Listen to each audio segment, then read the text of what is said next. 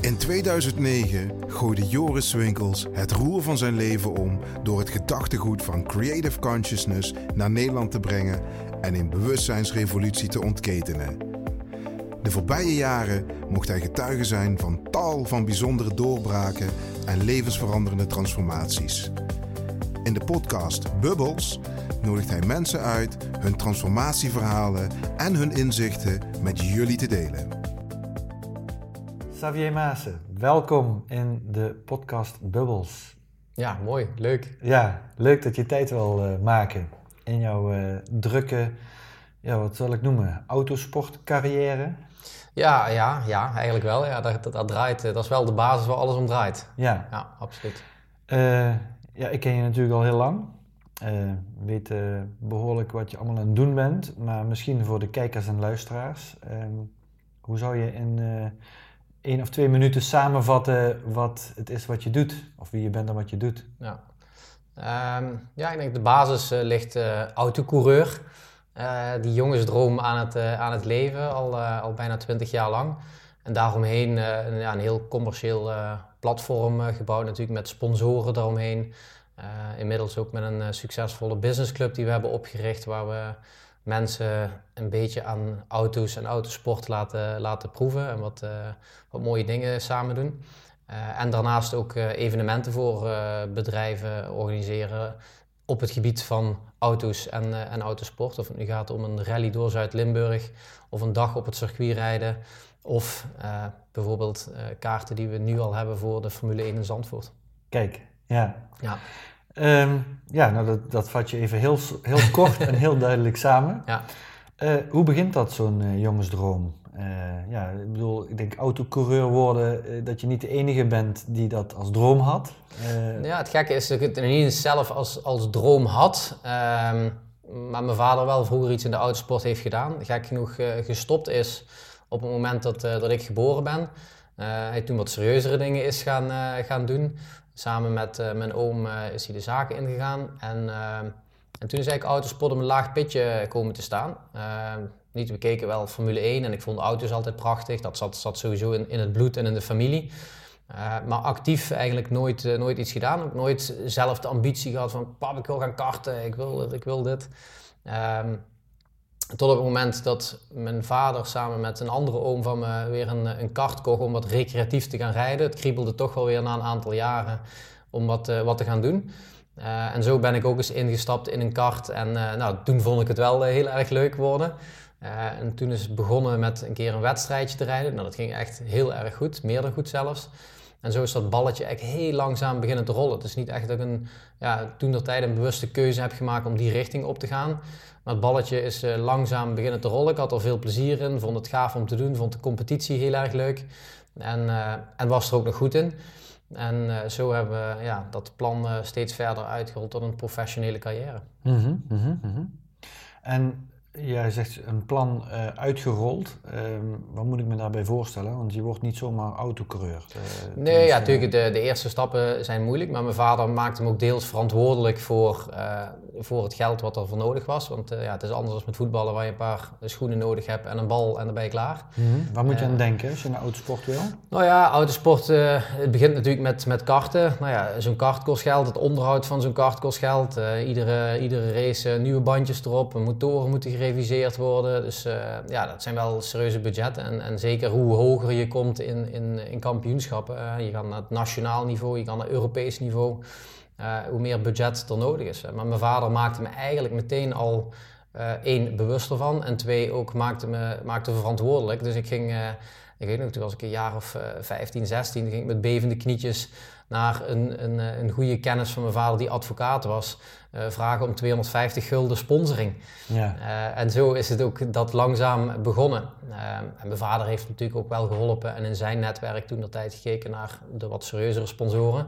Maar ik, ik, ik, deed ook veel van, van sponsoring en geld ophalen bij bedrijven en kijken wat we voor ze konden terug, teruggeven. En dat, ja, dat hebben we natuurlijk langzaamaan uitgebreid naar echt eh, een professioneel eh, niveau. We waren in de karting sowieso een van de eerste die een soort hospitality had. Ja, dat was toen gewoon een klein vouwtentje met een, eh, met een camper. waarin we de camper gesponsord hadden gekregen van een camperbedrijf die die dingen verhuurde. Die we dan een dagje op het circuit van, van Genk op de kartbaan konden neerzetten met een vouwtentje. Met een paar tafeltjes en stoeltjes en, en broodjes en wat drinken. We waren wel een van de eerste in die tijd die dat in de karting een soort hospitality hadden voor, voor de gasten die, die kwamen kijken. En dat, en dat vinden mensen leuk, weet je. Kijk je in de keuken en uh, je betrekt ze erbij. En dat doen, we, dat doen we nog altijd, alleen nu op een, uh, op een stuk hoger niveau. Ja, ja, ja. Want je bent van karten toen naar uh, Formule Renault, als ik goed heb? Ja, Formule Ford eerst. We waren de eerste jaren, daarna inderdaad Formule, Formule Renault. Ja, dat waren natuurlijk wel stappen. we hebben... Ik heb vier jaar uh, karting uh, gedaan. Ben eigenlijk laat begonnen. Hè. Ik bedoel, kijk naar Max Verstappen, die denk op, misschien op zijn, op zijn vijfde of misschien nog op zijn vierde voor het eerst in een kart zat. Ik, was, ik was 15 toen ik de eerste keer pas in een kart zat. Dus eigenlijk ja, heel, heel erg laat. Um, ik heb dus wel vier jaar karting gedaan en toen de overstap gemaakt naar, naar de autosport. Maar dat was ook wel een serieuze stap, ook, ook weer budgetair gezien. Dus ook daar hebben we wel echt uh, plannen gemaakt om het budgetair uh, met, met sponsoren te kunnen, te kunnen doen. Mm -hmm. Want als je naar zo'n uh, race kijkt, wat, wat, kost als je op hoog niveau kart? Wat kost dan een race? Ja, tegenwoordig uh, gaat het al snel naar een seizoen naar, naar 25 of 30.000 euro, afhankelijk van wat je doet. Hè. Er zijn natuurlijk ook opstartklasses waar je misschien een heel seizoen voor 5.000 of 6.000 euro kan, kan rijden. Zo heb je in de autosport ook heel veel klasses. Je hebt in Zandvoort de zomeravondcompetitie. Ja, daar kun je met een oude Volvo 340 uh, uit de jaren 80 kun je daar gewoon gaan racen. Ja, dat is niet duur, weet je. Daar hoef je niet iedere wedstrijd nieuwe bandjes op te zetten. Daar rijdt iedereen een beetje low budget. Ja. Maar heb je wel de competitie en het plezier. Dus het kan eigenlijk bijna voor, voor ieder budget. Natuurlijk, als je naar, ja, naar een hoger niveau gaat, hoe hoger je komt, hoe meer geld het kost. Kijk wat, uh, wat voor geld er wordt gespendeerd in de Formule 1 dan. Ja, ja. En alles daartussenin, uh, ja. En nu race je in Porsche Cup. En wat, wat, wat moet je daaraan denken aan een budget voor één race? Of voor een seizoen? Um, ja, normaal, het, het, het, een seizoen kost wel dus tussen de 150 en 200.000 euro voor het echt op de juiste manier te doen met het uh, juiste aantal testdagen. Um, en ja, dat, dat is wel het budget wat het uh, kost. Er zit natuurlijk een stukje, voor mij een stukje onderhandeling ook in met het, één met het team. Want het team wil mij graag hebben omdat ze weten met mij kampioen te kunnen worden. Wat voor hun weer zorgt dat ze weer nieuwe klanten in de toekomst hebben. Want de teams die vooraan rijden, ja, dat zijn toch de teams waar je het eerst naartoe gaat als je zo'n seizoen zou willen, willen rijden. En ik heb natuurlijk ook een fantastische samenwerking met uh, het Porsche Centrum Maastricht, die me, die me in staat stellen om, uh, om een, met een auto aan de start uh, te verschijnen. Dus ja, ja. ja, daar hebben we een hele, hele fijne en hechte samenwerking mee, waar ik ook wel trots op ben. Ja, ja, ja. ja. Ja, ik, ik, wat ik leuk vind, en dat, dat hadden we ook voordat we de geluidsopname aanzetten, hadden we het al even over. Weet je, Porsche is ook zo'n jongensdroom. en dat past volgens mij heel goed bij jou. van, leef je droom. Uh, ja, het, het, het jongetje wat zijn dromen wil leven. Dat, dat vind ik jou wel een stereotype voor. Ja, ja nou, dat, klopt, ja dat klopt ook wel, denk ik. Uh, ik gek genoeg leef je droom misschien onbewust begonnen. Want het was, het was nooit, dit nooit als klein mannetje dat, dat ik daar de absolute droom voor had. Ik keek naar de Formule 1, maar ik was er niet mee bezig van... oh, ik wil dat ook of ik moet die richting op. Ik ben wel langzaam in het begin zeker denk ik die richting... Uh, die richting gewoon opgegroeid. En, en het, is, uh, het is op mijn pad gekomen, zoals bij zoveel mensen hoe het, hoe het leven loopt. Maar ben daarna wel echt, uh, mede ook door de trainingen die, die ik natuurlijk gevolgd heb, uh, wel echt op dat punt gekomen dat ik er bewust voor gekozen heb en, en die richting. En het, en het weten waarom, waarom ik dit doe inderdaad. En dat is deels om te kunnen laten zien dat je je jongensdroom kan, kan leven. En we hebben natuurlijk met heel veel fantastische uh, merken en auto's uh, al, uh, al over de hele wereld gereden. Maar en, ja, een merk als Porsche is, is wel echt een prachtig merk om, om, mee te, om mee te werken en om daar als ambassadeur voor actief te zijn. En uiteraard ermee te racen met het product. Ja, ja. ja kan ik me helemaal voorstellen. Ja. Ja, ja. Het voel ook wel dat iedere man ooit een keer een Porsche gereden moet hebben of zo. Ja, het is wel een ding om, uh, om, om te kunnen afvinken, misschien op een bucketlist. Misschien niet voor iedereen. Er zijn ook mensen nee. die een Ferrari dan mooier vinden. Ja. Maar ja, het is, het is inderdaad, het is wat ze bij Porsche roepen. We verkopen geen auto's, wij verkopen dromen. Ja, en dat, dat denk ik is wel inderdaad ja, echt raak. Ja, ja, ja. Hey, um, toen ik jou leerde kennen, toen had ik een sportcentrum in Maastricht. Ja. En toen was jij daar met een personal trainer of met jouw ja, je hebt één vaste trainer Ja, volgens mij. ja. Hè? Maar was jij daar eh, veelvuldig bezig om eh, fysiek eh, in optimale staat te zijn? Ehm, eh, als topsporter, ook in de oudsport, eh moet je veel doen om in optimale staat te zijn volgens mij. Hè? Wat, wat, wat doe je allemaal? eh? Ja, we hebben, ik heb inderdaad altijd met een personal trainer eh, gewerkt om gewoon fit te zijn. Maar sommige mensen denken, ja, uitsport, je zit gewoon eh, in een stoeltje en je hoeft maar een beetje aan het stuur te draaien. Maar het is, het is wel absolute topsport. Er komen veel G-krachten op je lichaam. Ehm, plus het belangrijkste is, het is een 100% echt concentratiesport. Dus je moet super gefocust en geconcentreerd blijven. En dat kan je eigenlijk alleen maar als je gewoon super fit bent. Want zeker ook wat, wat ik veel heb gedaan, zijn lange afstandswedstrijden. 24 uur races. En dan rij je misschien twee of drie uur aan een stuk. En dan moet je die focus weten te behouden, iedere keer opnieuw. En op een gegeven moment wordt je lichaam wel vermoeid, of je begint misschien spierpijn te krijgen of pijntjes ergens te krijgen. En dan gaat je aandacht gaat dan naar de vermoeidheid of gaat naar die plek waar je een pijntje voelt. Eh, en heb je niet meer de volledige aandacht op, op de baan en op het circuit en op het maximale uit die auto te halen op dat moment. En daarvoor moet je inderdaad zo fit zijn om gewoon ten alle tijde die focus te kunnen, te kunnen behouden. En dat is, eh, dat is het moeilijke van, eh, van de sport, maar het maakt tegelijkertijd ook het mooie van de sport. En daarvoor moet je inderdaad eh, ja, gewoon werken. Dus mountainbiken, fysieke training, mentale training, alles komt daarbij kijken. Mhm. Ja. Ja, het is mooi dat je dat zegt eigenlijk. aandacht. Nee, ik, ik denk dat wij onze aandacht zijn, wie je bent. En dat waar dat je die aandacht naartoe brengt, dat, daar, daar ben je. Daar, daar, is, eh, daar manifesteert dat wie je bent en wat je doet.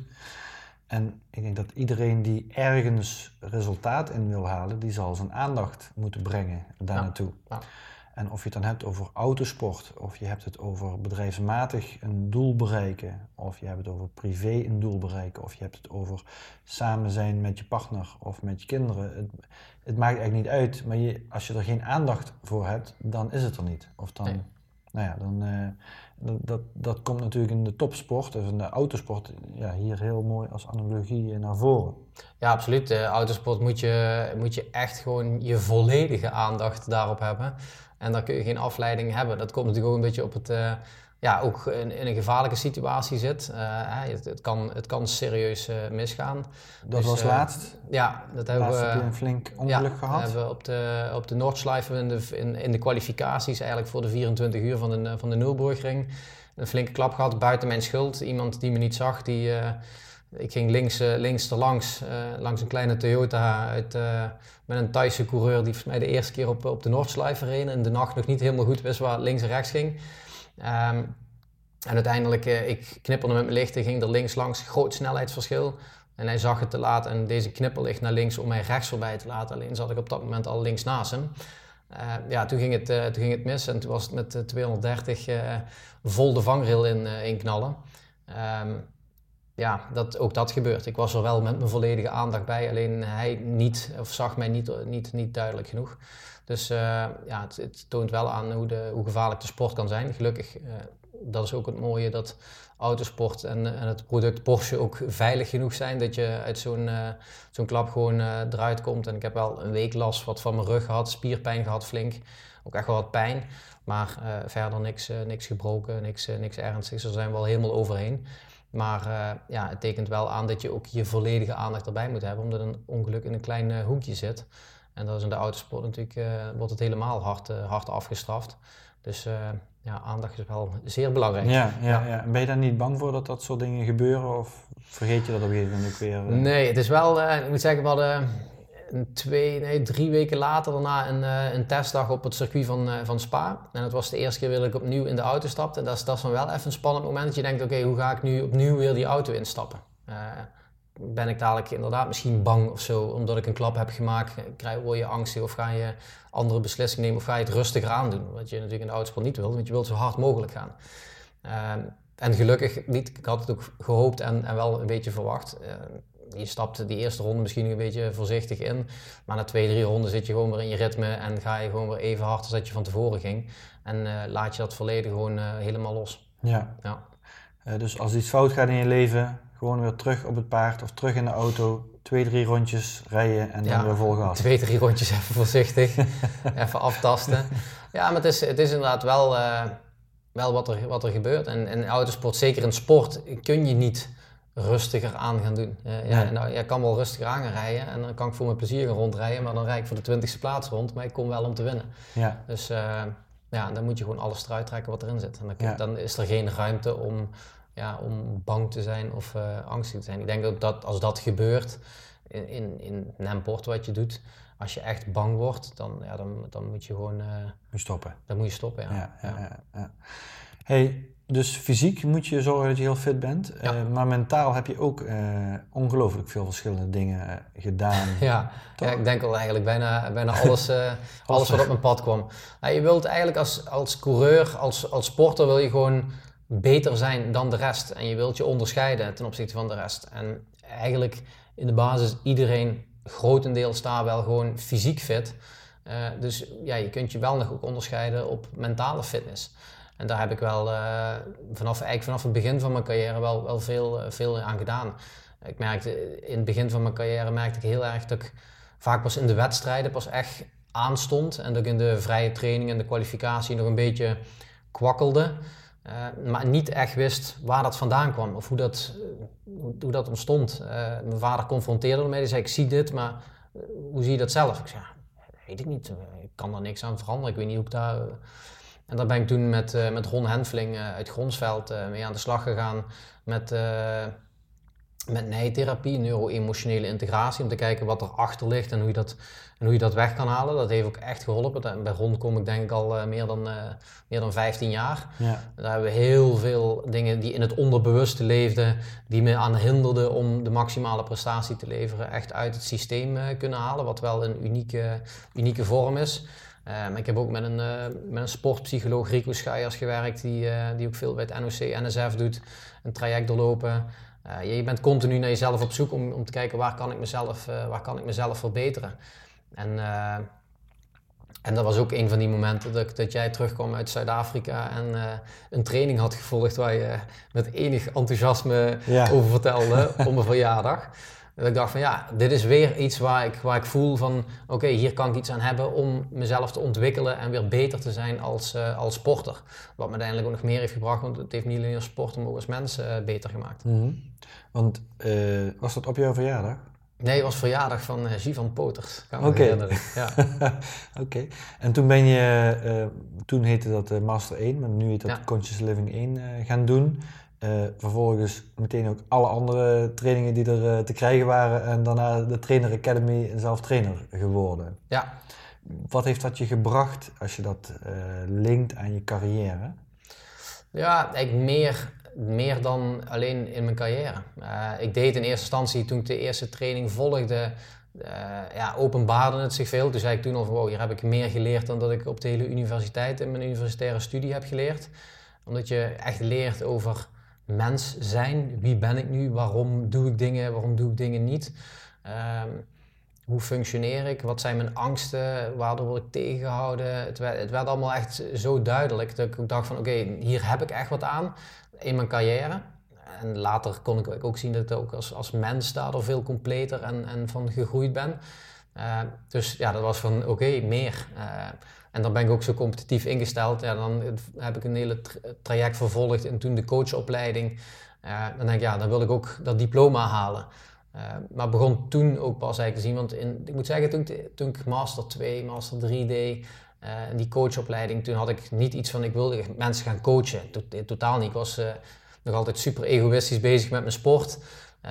alleen maar kleppen op en alleen maar carrière, carrière. Maar begon toen eigenlijk ook wel langzaam in te zien, denk ja, ik ben waarom ik het doe, is om mijn droom te leven. En mensen ook te laten zien dat je je dromen kunt leven. Dat je die stappen kan maken om dat, om dat te kunnen doen. En dat iedereen dat kan. Uh, maar toen begon ik ook te zien, coaching is wel een mooi vehikel om ook andere mensen hun dromen te laten leven. En andere mensen ook te kunnen inspireren via coaching om ook die stappen te kunnen, te kunnen zetten. Dus uiteindelijk uh, ja, ook die coachopleiding gedaan en ook mensen beginnen te coachen om ook hun dromen te leven. Een van mijn eerste coachklanten was iemand die me benaderde die zelf wou gaan racen. Ja. Die zegt, ja, wat zijn de beste stappen die ik kan doen?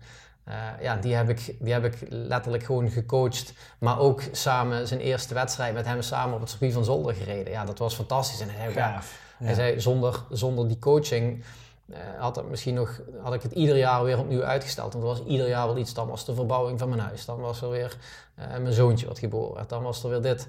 En ik bleef iedere keer schuiven. En die droom maar uh, ja, verschuiven. En inmiddels is hij nu een aantal jaren al actief op, het, op het circuit. En, en, en, amuseert zich gewoon. En leeft, leeft die droom voor hem om ook aan autosport te doen. Dus ja, ja super mooi om niet alleen maar er zelf gewin uit te halen. Maar dat ook met andere mensen te kunnen, ja. te kunnen delen. En zo ook ben ik toen uh, eigenlijk de Trainer Academy ingestapt. Omdat ik nog meer voor mezelf wou ontdekken en leren en ontwikkelen. Um, en tegelijkertijd ook andere mensen daarmee inspireren. Ja, ja, dat vind ik ook heel erg leuk aan uh, coaching en coachopleiding. Uh, dat er zoveel verschillende mensen eigenlijk die allemaal, of waar heel veel mensen eigenlijk niet primair dat starten vanwege ik wil coach worden maar eigenlijk meer als persoonlijk ontwikkelingstraject. En vervolgens erachter komen van hé, hey, maar ik kan hier eigenlijk heel veel mee betekenen voor mensen. En omdat je dan zoveel verschillende achtergronden hebt, uh, ja, krijg je hele mooie variaties. Ik, ik, ik verwijs mensen uh, wel eens naar jou, of, benoem jou wel eens. als ik het gevoel heb van ik wil iemand die echt op hoog niveau performance wil afleveren, ja, dan is jouw analogieën met de topsport en alles wat je daarvan moet doen, ja, die kun je bijna één op één vertalen naar het bedrijfsleven of naar een ander doel. En uh, ik vind als, dat, als een coach dat als achtergrond heeft, ja, dat is gewoon echt een absolute meerwaarde ten opzichte van iemand anders die weer iets anders als een hele mooie ja. meerwaarde heeft. Uh, ik heb laatst, een, uh, of ja, vorig jaar nog zelf een half jaar coaching genomen bij een vrouw. Die heel veel liefde, heel erg open en heel veel toegang tot haar emoties heeft. Omdat ik dat stukje ja. eruit wilde halen en bij mezelf wilde ontwikkelen meer. Nou, dan zou ik niet meteen voor jou komen. nee, ja, nee, dat ligt. Nee. Maar, maar zo, ja, dat vind ik wel heel mooi. Ja. Hè, dat, je, dat, dat je dus uh, de coach being eigenlijk uh, meeneemt in, uh, in coaching. Ja. ja, absoluut. Ik denk dat ik daar ja, dat ik, dat ik veel vanuit een mannelijke energie coach.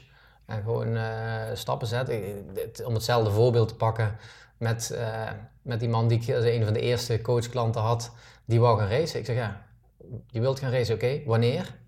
Ja, 2020, 2019. Ja. Ik zeg, hoe lang wil je nog wachten met je droom? Ik zeg, wanneer wil je gaan racen? Ja, misschien dan in 2018 of zo, volgens mij, of 2017 was het eerste jaar. Oké, dat is de datum. Oké, als je dan wilt gaan racen, wat moet je nu morgen gaan doen? Wat, wat is er nodig? En zeg, ja, ik moet licentie gaan halen, ik moet, ik moet eh, kleding, ik moet een helm gaan kopen. Oké, en zo zijn, zo zijn we echt al die stappen één voor één gewoon afgegaan. En in, binnen die sessies hebben we gewoon alle nodige stappen gezet om zijn licentie te halen, om, om uiteindelijk aan gewoon die eerste race deel te nemen, die, dan, die we nog in oktober het jaar ervoor hebben gedaan, dan eigenlijk het jaar waarin die wou, wou gaan beginnen. Ja. Dus ja, het was gewoon... Uh, het is ook aan de andere kant heel simpel. Weet je, je wilt iets, oké, wat is er voor nodig? Of nee, wanneer? Om dat ook helder te hebben, want anders kun je blijven schuiven. En vervolgens gewoon de stappen te zetten om dat te gaan doen. En wat, alles wat er in de weg staat aan de kant te schuiven. Want dat is wel, ja, dat is een, een beetje wat in mij zit. En wat in de sport zit, is gewoon, ja, er is, je kunt er heel lang over, over lopen zeiken en over lopen jammeren. Maar als je dit wil, ja, oké, wat moet je dan doen? En gewoon die stappen nemen om dat te bereiken. Punt. Ja. Niet meer en niet minder. Ja, ja, ja. ja. ja. En dat vind ik gaaf om, om, om mensen dat, uh, dat te doen. En, en natuurlijk komen er emoties en weerstanden en angsten. Uh, en het is daar allemaal om daar op de juiste manier overheen te stappen, om, om naar te kijken en te kijken hoe je het kunt oplossen om uiteindelijk bij het doel te komen. Ja, ja, ja, ja. ja. Um, in, uh, in een van de activiteiten die ik nu doe met het bedrijfsleven onder de naam uh, Conscious Cowboys, daar hebben we een uh, slogan, the who behind the why. En dat, is, dat gaat erover dat je niet alleen maar bezig bent waarom doe je autosport, waarom doe je dit, waarom doe je coaching, waarom wil je dit doel bereiken. Maar ook wie ben jij achter dat doel. wie, wie ben jij? En dat is ook een onderdeel wat ook in die bewustzijnstrainingen veel aan het licht komt. Van wie ben jij? Mhm. Terwijl jij autocoureur bent. Wie ben jij als het niet goed gaat? Wie ben jij als het wel goed gaat? Wie ben... Um, en daar zitten vaak pieken en dalen in. ik weet niet of je dat uh, herkent in de trainingen, uh, gelinkt weer aan jouw leven of jouw carrière. Uh, dat dat met veel pieken en dalen over wie je was, wie je bent, hoe je in elkaar zit. heb je daar, um, kun je daar, heb je daar eens voorbeelden van of zo? Van wat zijn nou pieken of wat zijn dalen geweest? Misschien zitten die misschien beter in het geheugen? Nou, wat ik, wat ik heel goed herinner, wat ik, wat ik echt uit, uh, uit, wel uit de, ja, de waarom is me heel erg helder geworden eh, over, over de jaren heen, waarom ik dit doe. Uh, omdat ik natuurlijk één, gewoon een absolute passie heb voor, voor auto's en autosport en die met andere mensen wil delen. Dat ik die jongensdroom wil leven en andere mensen inspireren. Um, aan de andere kant heb ik ook wel heel duidelijk gezien waar, waar mijn grootste valkuil ligt. Uh, die ik gelukkig weet dat, dat iedereen ergens zo'n valkuil heeft, dat ik niet de enige ben op de hele wereld. Uh, is dat ik, dat ik mezelf niet goed genoeg vond. Uh, wat ontstaan is ooit toen mijn zusje in het, in het ziekenhuis lag en mijn ouders naar haar toe gingen en mij niet de aandacht gaven. Dat ik dacht, oké, ik ben niet goed genoeg. En dat heeft zo'n verdere impact op je leven gehad. Waardoor je zelfs. Nou ja, het gekke is, ik begon, mijn ouders vonden het heel verbazingwekkend dat ik het juist heel goed op school ging doen. Terwijl er minder aandacht was en terwijl ze er niet waren en natuurlijk het geen stabiele uh, situatie thuis was, omdat zij natuurlijk de hele tijd naar het ziekenhuis moesten. Um, maar het enige wat ik ging doen was, was de reactie op: oké, ik ben niet goed genoeg. Dan ga ik wel bewijzen dat ik goed genoeg ben. Um, wat vervolgens wel heel raar is als je dan gaat nadenken dat je aan topsport gaat doen vervolgens. Uh, want dan denk je, ja oké, waar kun je het beste bewijzen dat je goed genoeg bent? Dat is in de sport. Dus uh, ja, daarmee is bij mezelf ook wel die vraag een keer naar boven gekomen. Oké, heb ik wel eigenlijk bewust voor die sport gekozen? Of is het alleen maar om mezelf te bewijzen en te laten zien dat ik goed genoeg ben? Uh, en, dat, en dat merkte ik zeker. Ik denk daar de, de grootste, ja, misschien wel de, de grootste stap die ik heb, heb gemaakt voor mezelf. Is dat ik in het verleden, als, ik, als een wedstrijd niet goed ging, ja, dan was ik twee weken lang ziek. En dan was ik twee weken lang humeurig omdat die wedstrijd niet goed was gegaan. Ja, Maar als ik dan terugkijk, denk ik, ja, nou ja eigenlijk het, enige wat er gebeurde, was dat ik gewoon voor mezelf zag, oh ja, zie je wel, je bent niet goed genoeg. Ja. En doordat ik daar nu gewoon echt bewust van ben, is misschien die gedachte nog wel heel even, maar kan ik het loslaten en ben ik gewoon wel als sporter gewoon misschien nog twee dagen ziek, dat een weekend niet goed is gelopen, maar niet twee weken. En kan ik na twee dagen gewoon weer op een normale manier gewoon genieten van het leven en samen met mijn vrouwtje weer leuke dingen gaan doen. In plaats van twee weken lang gewoon uh, humeurig en uh, ziek van het leven te zijn. En uh, twee weken van het leven gewoon aan je voorbij laten gaan eigenlijk. En dat heb ik, ja, dat heb ik wel echt, echt geleerd. En dat is wel een groot verschil in mijn leven. En kun je heb je inzichtelijk hoe dat dan gaat, zo'n proces? Want in het begin ben je niet bewust dat je in je onderbewustzijn die overtuiging, ik ben niet goed genoeg, ja. dat die er leeft. Ik denk dat dat, nou ja, 60, 80 procent van de hele wereld dat in zijn onderbewustzijn heeft zitten. Want we worden allemaal vergeleken met onze broertjes, zusjes, buurjongetjes, schoolkameraadjes, neefjes, ja. nichtjes. En er is altijd iemand die beter is of waar meer aandacht naartoe gaat. En waardoor we als kind uh, de conclusie kunnen trekken: ik ben niet goed genoeg. Ja, ik ben niet goed genoeg, ik ben niet waard. Uh, ja. Ja, die komen wel uh, bij, iedereen, bij iedereen terug. Ja. En het is, ja, bij mij was dat ook. Ik was me daar echt niet bewust van, totdat ik het zag. En hoe, hoe gebeurde dat? Hoe kwam het dat je dat zag? Nou ja, het, het kwam in, in een van die trainingen voor. Dat dat zeg maar een beetje de, ja, de core drama van, van ieder persoon, wat er in ieder ergens, ergens leeft. En daarna op zoek gaan, oké, wat, wat is degene voor, voor mij? En bij mij was dat heel duidelijk, ik ben niet goed genoeg. Dat was voor mij echt gewoon, toen ik die zin al moest lezen, maar dan oh, werd ik gewoon misselijk in mijn buik van. Ja. Um, dus daardoor wist ik ook wel van, oké, dit, dit is hem.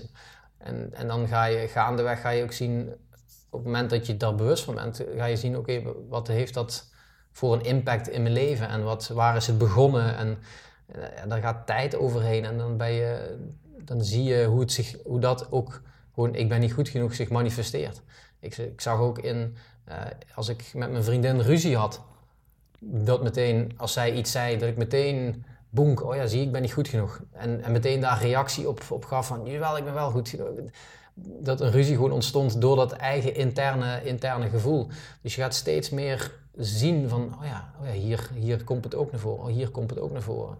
Oh, hier bij een wedstrijd, als ik dan slecht presteer, oh ja, maar dan is dat ook eigenlijk. Dat gevoel komt dan weer terug. En hoe kan ik dat dan ook weer, dan komt de stap voor ons om dat ook weer los te kunnen gaan laten en zeggen, oké, ik voel me zo. En ik laat het los en ik ga wel weer gewoon ook genieten van het leven in plaats van me zo beroerd te voelen. Ja, dus de eerste stap is zeg maar het stukje bewustwording van het, we noemen het even dan core drama. Ja. En eh, doordat je daar een tijd met je aandacht bent, ga je heel veel zien hoe dat een rol speelt in je leven. Ja, Dat zo is het bij mij, eh, ja, zo is het bij mij wel echt gegaan. Het was echt eh, in my face dat ik het, dat ik het, dat ik het tegenkwam. Oké, dit is mijn, mijn ding, mijn pijnpunt, mijn Achillespees Ja. in mijn leven.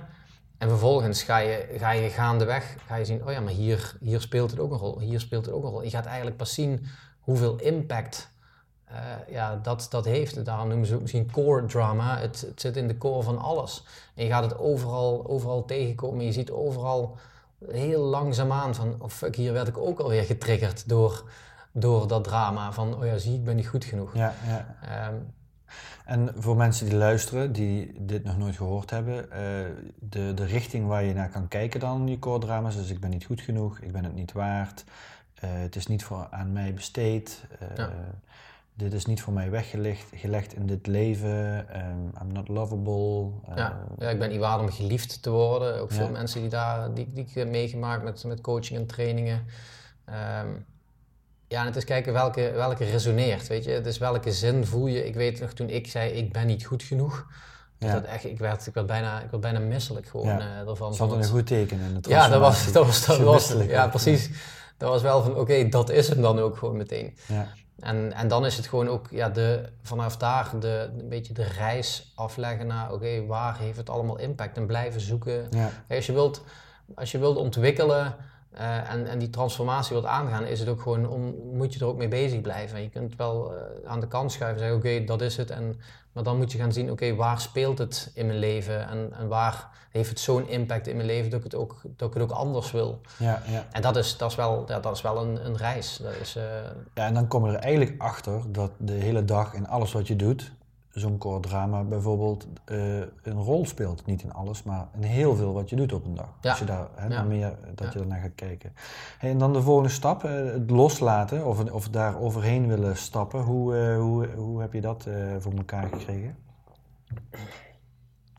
Ja, ik denk met racen voornamelijk doordat ik gewoon bewust was van de trigger die er gebeurde. Hè?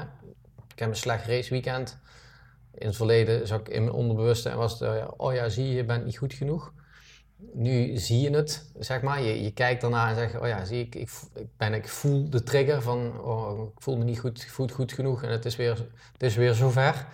Ehm, en dat is gewoon het, is, het is gewoon een keuze maken. Het was voor mij een keuze te maken Ehm, ik sta sowieso in het leven heel positief. Ik weiger om, om negatief in het leven te staan. Ik weiger om het leven niet te vertrouwen.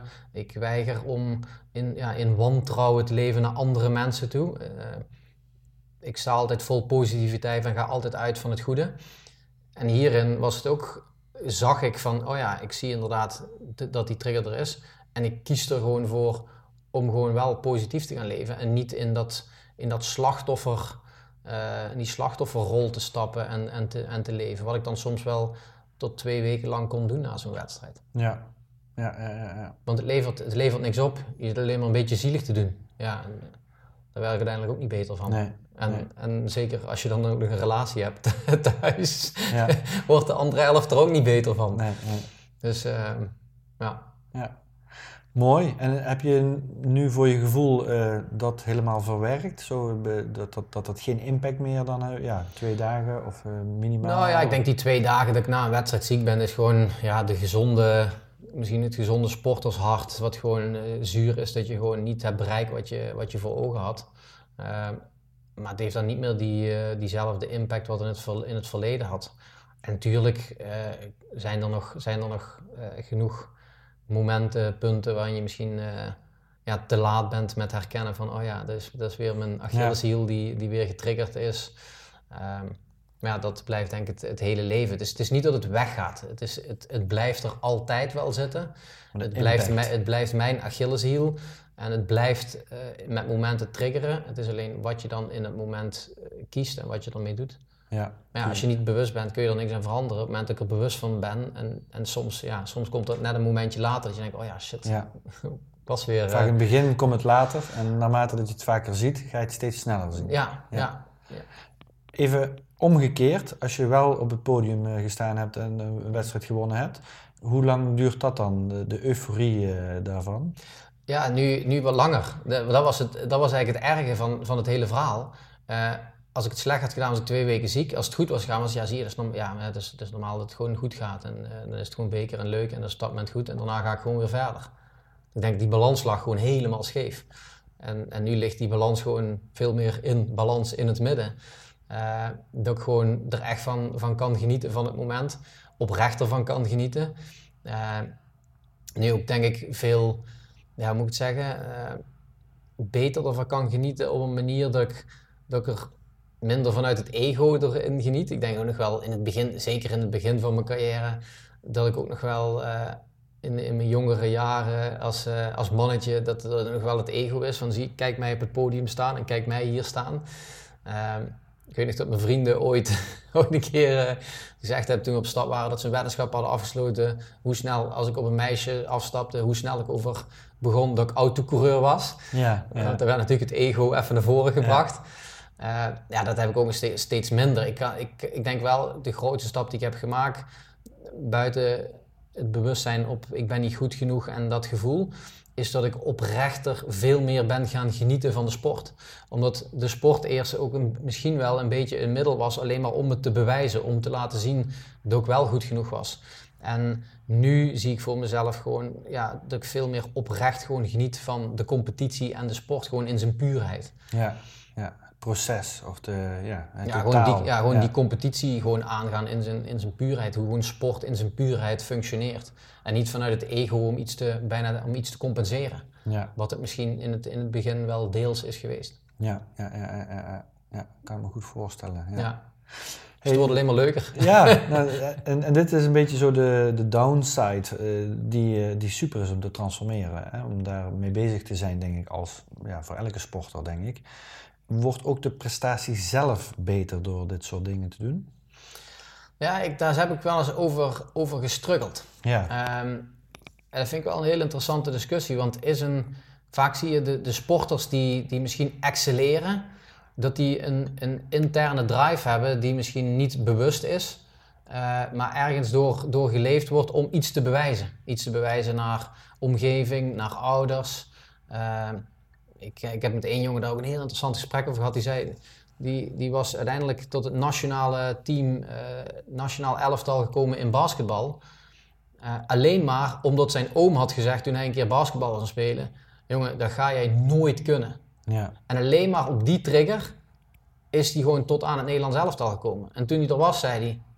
Ja, dit is eigenlijk helemaal niet waar ik, waar ik voor hier ben of wat ik, wat ik echt wil. Maar het is alleen maar een trigger van dat iemand me een keer gezegd heeft dat ik die richting op ben gegaan. En het ben gaan bewijzen om het wel te doen. En de, het, hetgene wat me nog wel steeds afvraag in topsport is natuurlijk, je hebt in topsport een absolute drijfveer nodig om te excelleren, om de allerbeste te zijn. Als je helemaal bewust bent over al je triggers en dingen, weet ik niet of het, of het, je, of het je per se beter, beter maakt. Of dat misschien dat onderbewuste en die drijfveer om je te bewijzen voor die oom, voor je ouders, voor de wereld, of die misschien je toch tot grotere prestaties drijft. Daar heb ik eigenlijk voor mezelf geen antwoord op. Waar ik wel een antwoord op heb, is dat ik gewoon voor mezelf veel meer plezier, eh, veel meer lol, eh, ja, en, en, veel meer, ja, niet, wat, niet waardering, maar ik, ik haal er gewoon meer voldoening, denk ik, denk ik uit, dan, dan van tevoren.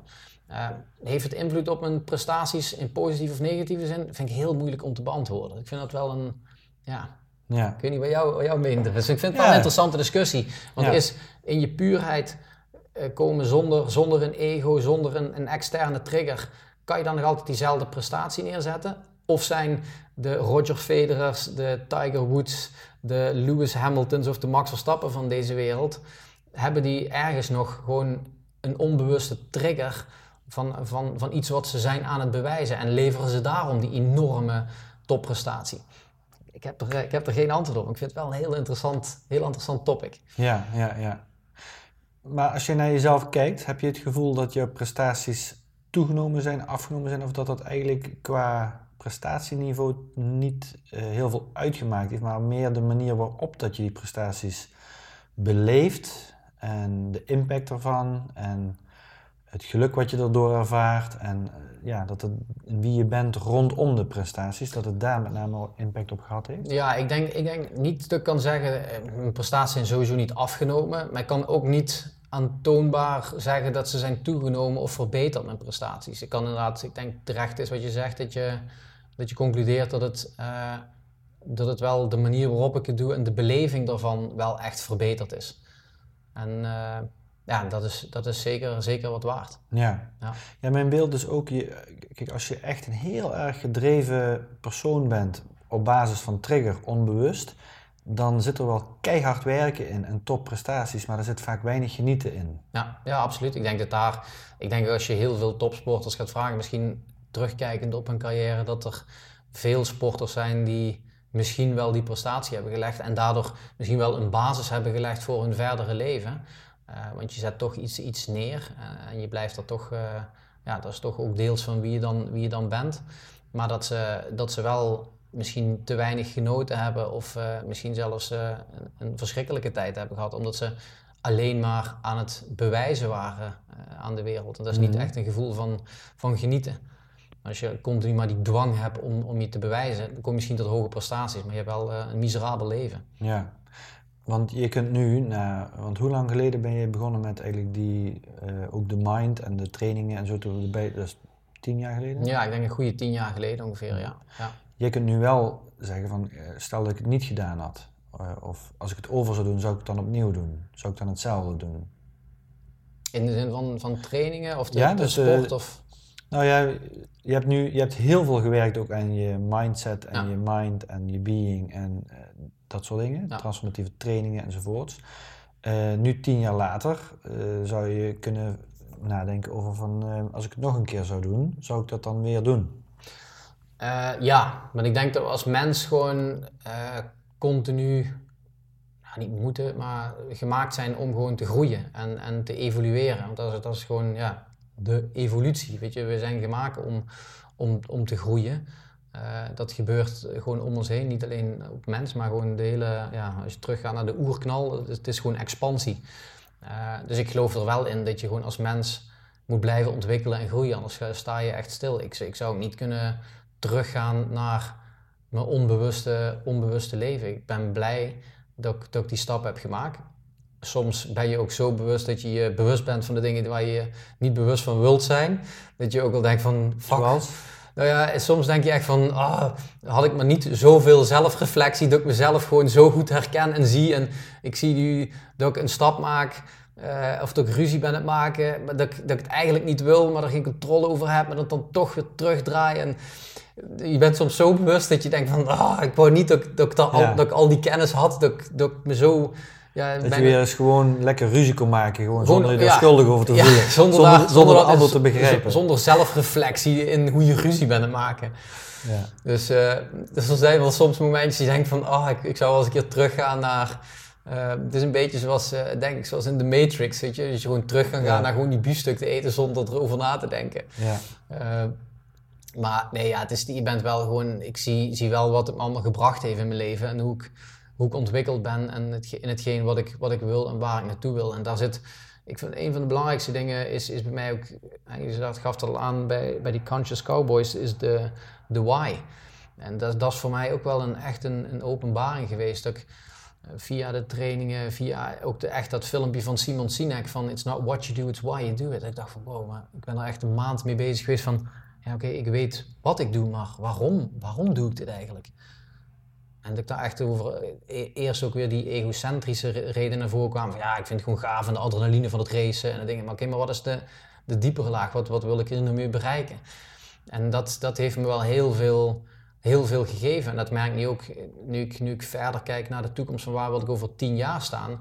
Dat er ook heel veel impact heeft. Ook dat ik denk van ja, maar het moet wel binnen diezelfde waarom waarom passen. Waarom ik hier ben. Om mensen te blijven inspireren, om, om dromen te leven.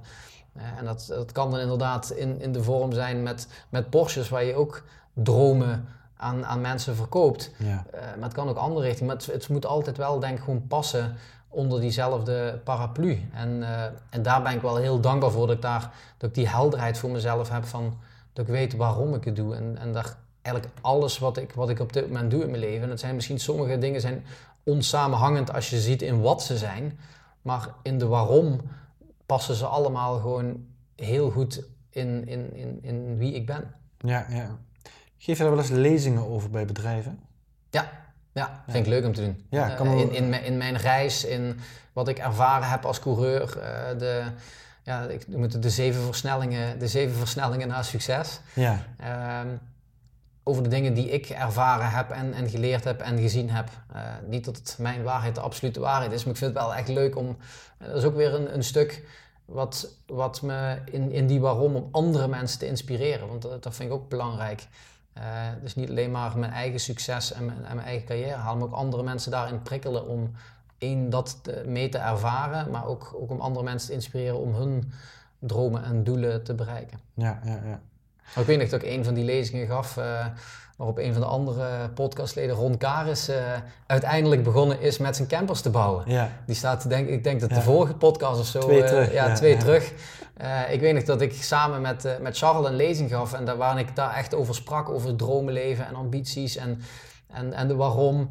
En dat ik na de, na de lezing met Ron eh, samen met Alan in gesprek kwam. En dat die zei, ja, ik heb eigenlijk wel een droom om met mijn kinderen met een camper terug naar, naar de Noordpool te gaan. Ja. Daar heb ik met mijn vrouw... eh, ja, en, en daar, het mooie is, als je nu ziet waar hij staat. Ja, eh, en campers, campers bouwt. ja, ja, dat is, dat is toen dat zaadje wat, ik- wat ik toen bij hem toch geplant heb.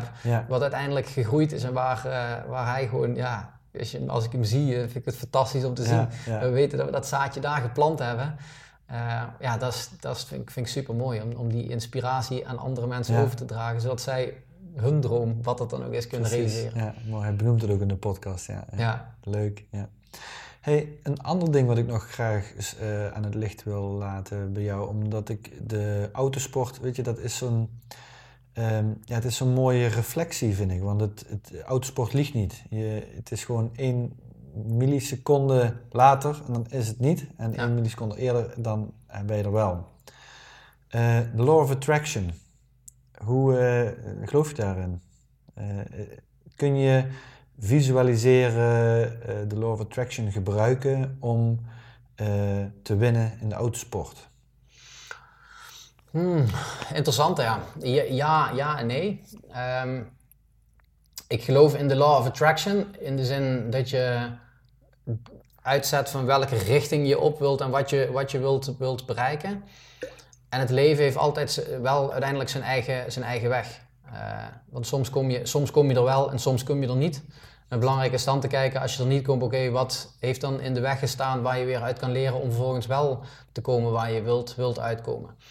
Aan de andere kant eh, werkt die law of attraction in de basis, maar je moet ook het werk erin stoppen. En dat is denk ik wat, wat, wat, ik, wat ik vaker zie, eh, is dat mensen zich kapot visualiseren, maar niet Ja, het, niet het, ja. werk, het werk doen. En er is gewoon, je moet gewoon de stappen zetten en het werk doen om er uiteindelijk te komen. Eh, en dat is hard werk, dat is veel werk. Eh, mensen zeggen, ja nee, maar in de law of attraction, dan moet het naar me toe komen. Het moet vanzelf komen.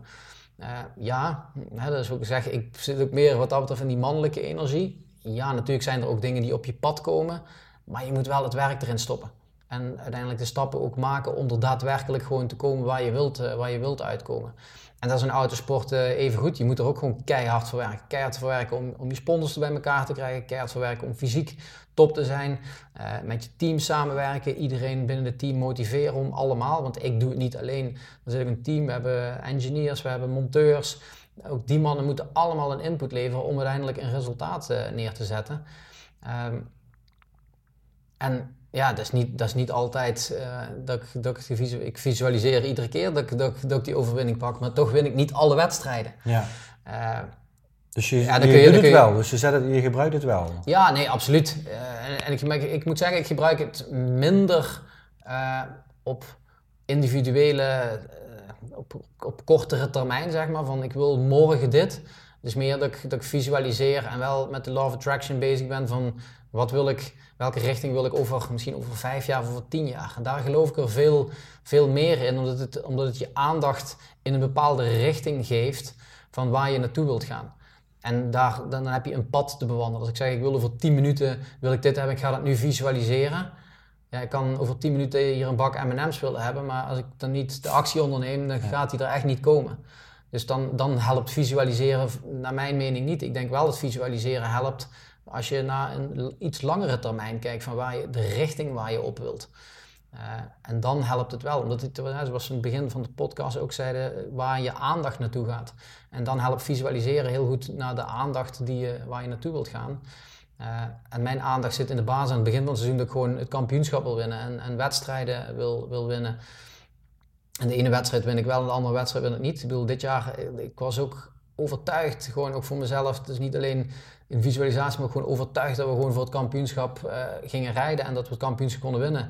En buiten mijn schuld uh, rijdt, iemand uh, in Spa in de eerste wedstrijd op een punt terug de baan op, net voor mijn neus. Of een, een, iemand zeg maar, de zebra op steken. En ik rijd tegen hem aan en iemand anders klapt achter me op. En nul punten, chassis krom. En ja, ja dat had ik niet zo gevisualiseerd, maar het gebeurt wel. Ja. Uh, en dan moet je ook gewoon de koers blijven varen om gewoon, mm. om gewoon door te gaan. En tuurlijk komen er dan gedachten van, ja, het heeft geen zin meer, ik ga opgeven, het kampioenschap is al voorbij.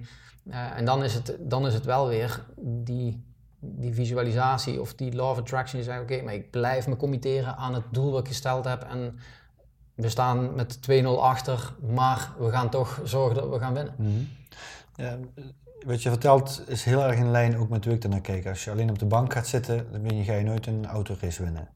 Je zult naar het circuit moeten, je zult een auto moeten hebben, je moet een team hebben. Dat alle schakels die erin zullen moeten kloppen en daar zul je mee bezig moeten zijn. En uh, je, je, je beleving van ik ga, ik ga winnen en mijn aandacht ligt bij die eindstreep en daar als eerste zijn, is ook een onderdeel ervan. Maar het is een onderdeel ja. van het totaal. Merk je verschil of heb jij verschil gezien in als je in een race zit en je bent bijvoorbeeld bezig met ik wil, ik moet, uh, die acht, uh, ik moet in ieder geval voor, bij die persoon komen of ik moet niet in die wielen rijden of ik uh, moet de eindstreep halen. Ligt je aandacht ook bij de eindstreep? Dat is, dat is een vorm van. Ja, ja, ik ben, nou, ik, een van de mooiste verhalen die ik ook veel, veel in, in mijn presentaties meeneem, is uh, hoe niet zozeer de law of attraction werkt, maar meer de, de kracht van commitment. En ik weet in het verleden dat ik nog. Uh, het, was, het was een wedstrijd waarin ik op de na een, na een pitstop als een rijderswissel en ik kwam, we lagen eigenlijk aan kop. Mijn belangrijkste uh, zeg maar, tegenstander voor het kampioenschap was uitgevallen. Dus ik wist dat ik echt een, echt een stap kon maken naar het kampioenschap door maximale punten te scoren. Er ging iets fout in de pitstop en ik kwam als vierde terug de baan op. En ik weet dat ik misschien een aantal jaren daarvoor, met de kennis die ik toen had, dat ik misschien mijn kop had laten hangen en denk van, oh shit, ik, wil, ja, ik lig vierde, misschien, misschien kan ik nog derde worden, maar mm, shit, het gaat mis. En ik weet nog dat ik op dat moment uh, echt met die kracht van commitment dat ik zei van nee, ik ga deze wedstrijd winnen. En ik ben gaan rijden en ja, ik lag, uh, ik geloof 20 seconden achter op, op de leider met nog twee man ertussen. Maar kwam aan die derde man, haalde die in. Kwam uiteindelijk bij die tweede man, haalde hem in. Zag de leider, want het was maar 10 minuutjes wedstrijd. Ik zag het gat en ik denk... En in mijn hoofd was het, ja nee, dit ga ik, ga ik gewoon niet redden. Dus rationeel? rationeel. Zeg ik, nee, maar de afstand die hij heeft en hoe hard ik op hem inloop met de tijd die er nog was, maak je gewoon die calculatie. Ja, nee, maar het gaat niet lukken. Dan denk ik, nee, ik heb keuze gemaakt om te gaan winnen. Dus ik ga godverdomme winnen. Dus ik bleef gewoon pushen. Gewoon het maximale eruit halen. Uh, want er kunnen altijd dingen gebeuren. En uiteindelijk, we gingen de laatste ronde in en ik dacht, ja, nee, het gaat niet lukken, want ik heb nu nog maar één ronde en de afstand was nog vrij groot. Maar ik bleef erin geloven en zeggen, nee, maar ik ga die wedstrijd winnen. Gewoon als commitment. En ik kwam vier bochten voor het, voor het einde, voelde degene jongen wat aan de leiding lag, voelde de druk en maakte een fout en gaat dus helemaal hmm. wijd in een bocht. Dus drie bochten voor het einde kom ik echt achter hem te zitten. En ik dacht, ja, nou, drie bochten voor het einde, het was een Zandvoort de Audi S, dat is de enige plek waar ik hem eigenlijk echt kan inhalen nog. Lukte niet. Dus weer die gedachte, ja, en ik denk niet dat het gaat lukken, want er zijn er maar twee bochten. Het zijn die twee bochten waar ik kan inhalen. Dus ik zit wel achterop hem. Maar het was, nee, oké, ik heb keuze gemaakt, we gaan gewoon inhalen. We gaan gewoon winnen hier. En ik wil gaan winnen. En we gaan, we gaan winnen. Ik heb die keuze gemaakt, want ik moet een stap maken om de, om de titel binnen te halen. En dat is het beste om nu te, nu te winnen. En we gaan zo die laatste twee bochten in. En ik weet, we gaan de laatste bocht in het rechte stuk op, op in Zandvoort. Waar je met, een, met, in die Porsche Cup net eventjes moet liften. En dan weer terug op het gas moet gaan. En ik zag, en dat was mentaal het moeilijkste, want hij bleef nog op vol gas en ik lifte al. Want ik lifte dus eerder, maar ging ik eerder naar vol gas en hij lifte later. Maar ik zag hem dus, terwijl ik achter hem zat, reed hij even van me weg. Dat was mentaal echt heel moeilijk. Ik dacht, nee, maar ik wil erop zitten. Maar je moet even, even los en toen op het gas. En hij deed het te laat, kreeg onderstuur. Kon dus veel later naar vol gas. En we kwamen samen zeg maar, het rechte stuk op. Maar ik had meer snelheid, zodat ik beter die bocht uitkom. En we kwamen echt naast elkaar op het rechte stuk over de, over de finishlijn. En ik won de wedstrijd met 26 duizendste van een seconde. Fotofinish. Ja, echt, maar echt een fotofinish. Ja. Ehm, maar dat was, het was zo tekenend voor. Het was niet de belangrijkste wedstrijd, de grootste wedstrijd die ik gewonnen heb. Maar het was zo tekenend voor hoe ik ook als mens was, was veranderd. Dat ik gewoon die commitment heb genomen en daarvoor ben blijven vechten. Wat ik misschien van mezelf wist in het verleden dat ik misschien mijn kop had laten hangen. En dacht van, nou ja, zie je. Het is, is gelukkig niet onze zijde, jammer. eh, We worden derde. En, ja, we hebben wel een podium, maar oké. En dat, dat die impact van, van commitment wel echt, eh, Ja. echt groot is. En, Ja. en dat, dat, ja, dat lijnt wel ook, moet ik zeggen, met, met, eh, met, met wat je eerder, eh, eerder zei. De, de, in, in de kracht van visualisatie en eh, Law of Attraction. law of en, attraction. ja. law of attraction heeft ook te maken met hoe graag wil ik het. Een van die dingen die ik voor mezelf ook in de, eigenlijk pas in, ik denk misschien in, de laatste, in het laatste jaar geleerd heb, is hoe graag wil ik het eigenlijk echt? Want we willen allemaal geld verdienen. We willen allemaal een mooie auto. We willen allemaal eh, een, een go- een goede relatie. We willen, maar hoe graag wil je het? En wat ben je bereid daarvoor op het spel te zetten om het ook daadwerkelijk te, te bereiken? En daar zit, daar zit het hele grote verschil. Eh, ik weet nog dat ik ook een, eh, een, een training deed met, of een online training met Michael, van Michael Pilacic. En dat die ook zei, wat is, wat is de hefboom? Weet je, wat is de hefboom die je op het spel zet? Weet je, dat ik dacht van, oh ja, wow, weet je, dat je gewoon echt van, oké, als, als dit niet is, dan stop ik ermee. Zo van, wow, maar dat is, dat is even wat anders. Maar daarin creëer je wel, eigenlijk, eigenlijk wat ik daar heel erg in leerde is, er moet echt een noodzaak zijn. Mhm. En dat, dat, zie je, dat zie je soms. Ik vind dat heel mooi bij, bij artiesten die, eh, die aan een competitie meedoen, een zangcompetitie of een danscompetitie. Eh, ik vind dat heel mooi om naar te kijken, omdat je gewoon de, bijna altijd die mensen wat daar winnen, daar zit zo een noodzaak, een dwang een, om, zich te, om zich te uiten in die zang of Ja. om iets kwijt te kunnen of, Ja. of iets te bereiken. En die noodzaak moet er wel zijn. Ja, Ja. We willen allemaal miljonair worden. Maar heb je de noodzaak?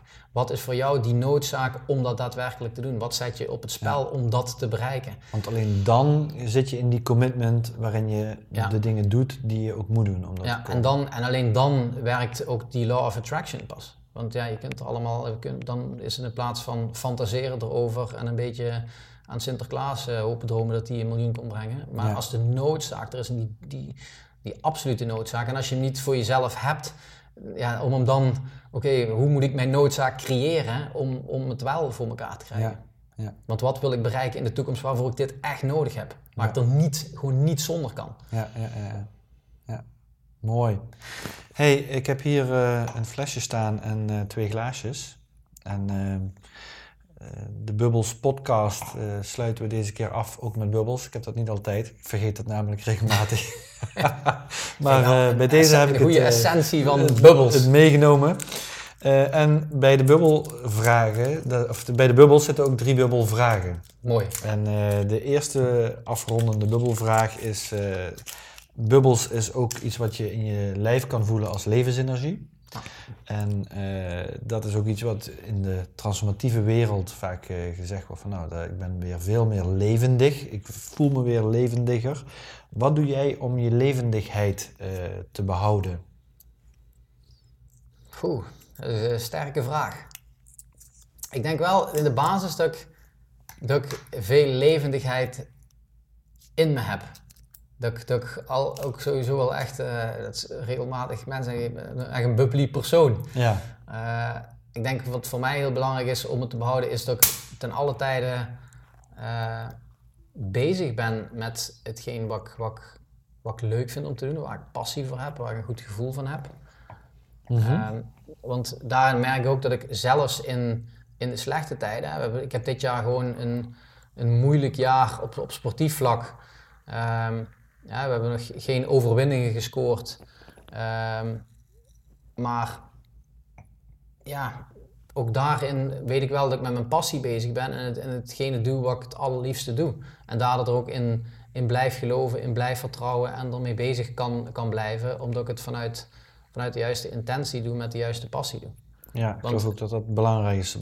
Ja. Ja, want daarmee kan ik alleen mijn levensenergie behouden. Want als het dan een keer minder gaat, ja, dan, dan, kom, dan heb je die basis wel nodig waarom je het doet. Want anders, Ja. anders denk je, ja, dan ga ik maar wat anders doen. Ja, en ik denk dat alle mensen die echt bezig zijn met eh, wat ze echt graag doen, dat die, daar heb je, die, die levensenergie zit daar veel meer in. Ja, die is, die is er altijd, ook als het tegen zit. Ja. Eh, en natuurlijk, eh, ik heb ook gewoon mijn slechte dagen. En ik heb nu ook, moet ik zeggen, na zo dus het einde van, einde van juli, nadat we de laatste wedstrijd hebben gehad. En die was ook gewoon niet zoals het moest zijn. We hadden problemen. En dan heb ik ook gewoon de P erin. En dan sta ik soms misschien ook wel met minder, met minder passie in, in een ochtend op. Maar de basis, de drijfveer in het grotere geheel is er, is er gewoon wel. En die blijft. En daardoor eh, zijn er bubbels. Gezondheid. Gezondheid. Bubbels zijn altijd goed. Dan kom ik bij de tweede vraag. Eh, we leven ook in bubbels. Overtuigingen die een soort zeepbel zijn, eh, maar die onze complete realiteit kunnen bepalen.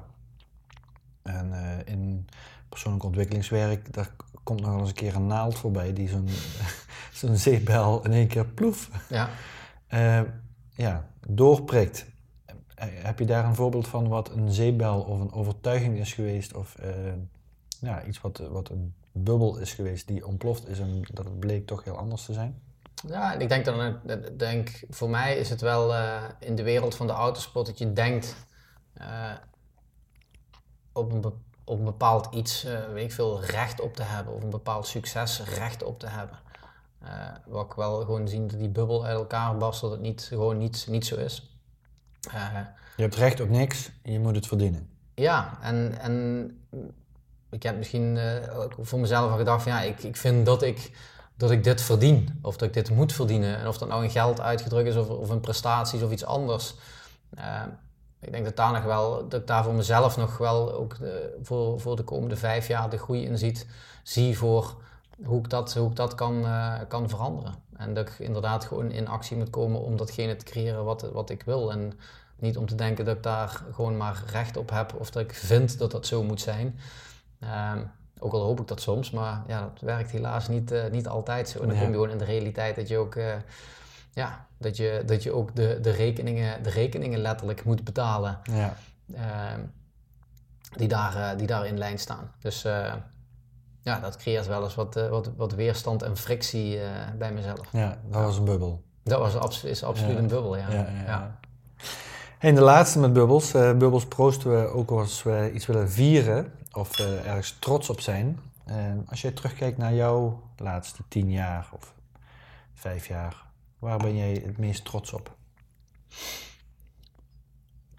Ik denk eigenlijk, ehm, ik ben het meest trots op gewoon de mens, de mens die ik ben. Eh, ik ben trots op dat ik de manier hoe ik, op een, hoe ik in het leven sta, eh, op een positieve manier, in altijd het, het goede zien in, in de mens. Ehm, en daar ook bewust voor kies. Ook al is dat misschien soms een keer niet zo, maar dat ik gewoon met vertrouwen eh, in het leven sta en met positiviteit in het leven sta. En daar ben ik eh, denk ik nog wel trotser op dan misschien de sportieve prestaties die ik heb neergezet in de, in de laatste jaren. Dat vind ik een hele mooie afsluiting. Ja, Als mensen jou willen contacteren, dan eh, kan het via saviermaassen.nl. .nl. Daar kun je alles terugvinden van wat we doen. Van eh, events tot eh autosportsponsoring, tot lezingen, tot coaching. Kunnen ze hem allemaal op mijn website terugvinden. En uiteraard ook gewoon een contactformulier waar ook gewoon mijn mailadres, telefoonnummer staan. Ja, Dus kunnen me altijd bereiken. helemaal super mag ik jou bedanken voor deze podcast. Ja, heerlijk. We gaan eh, genieten van de bubbels. Yes. Ben jij ook toe aan een bruisender leven of een bubbelende business en denk dat Joris daarin kan helpen? Bezoek dan onze website. Neem contact op via www.bubbels.cc. Tot de volgende bubbels.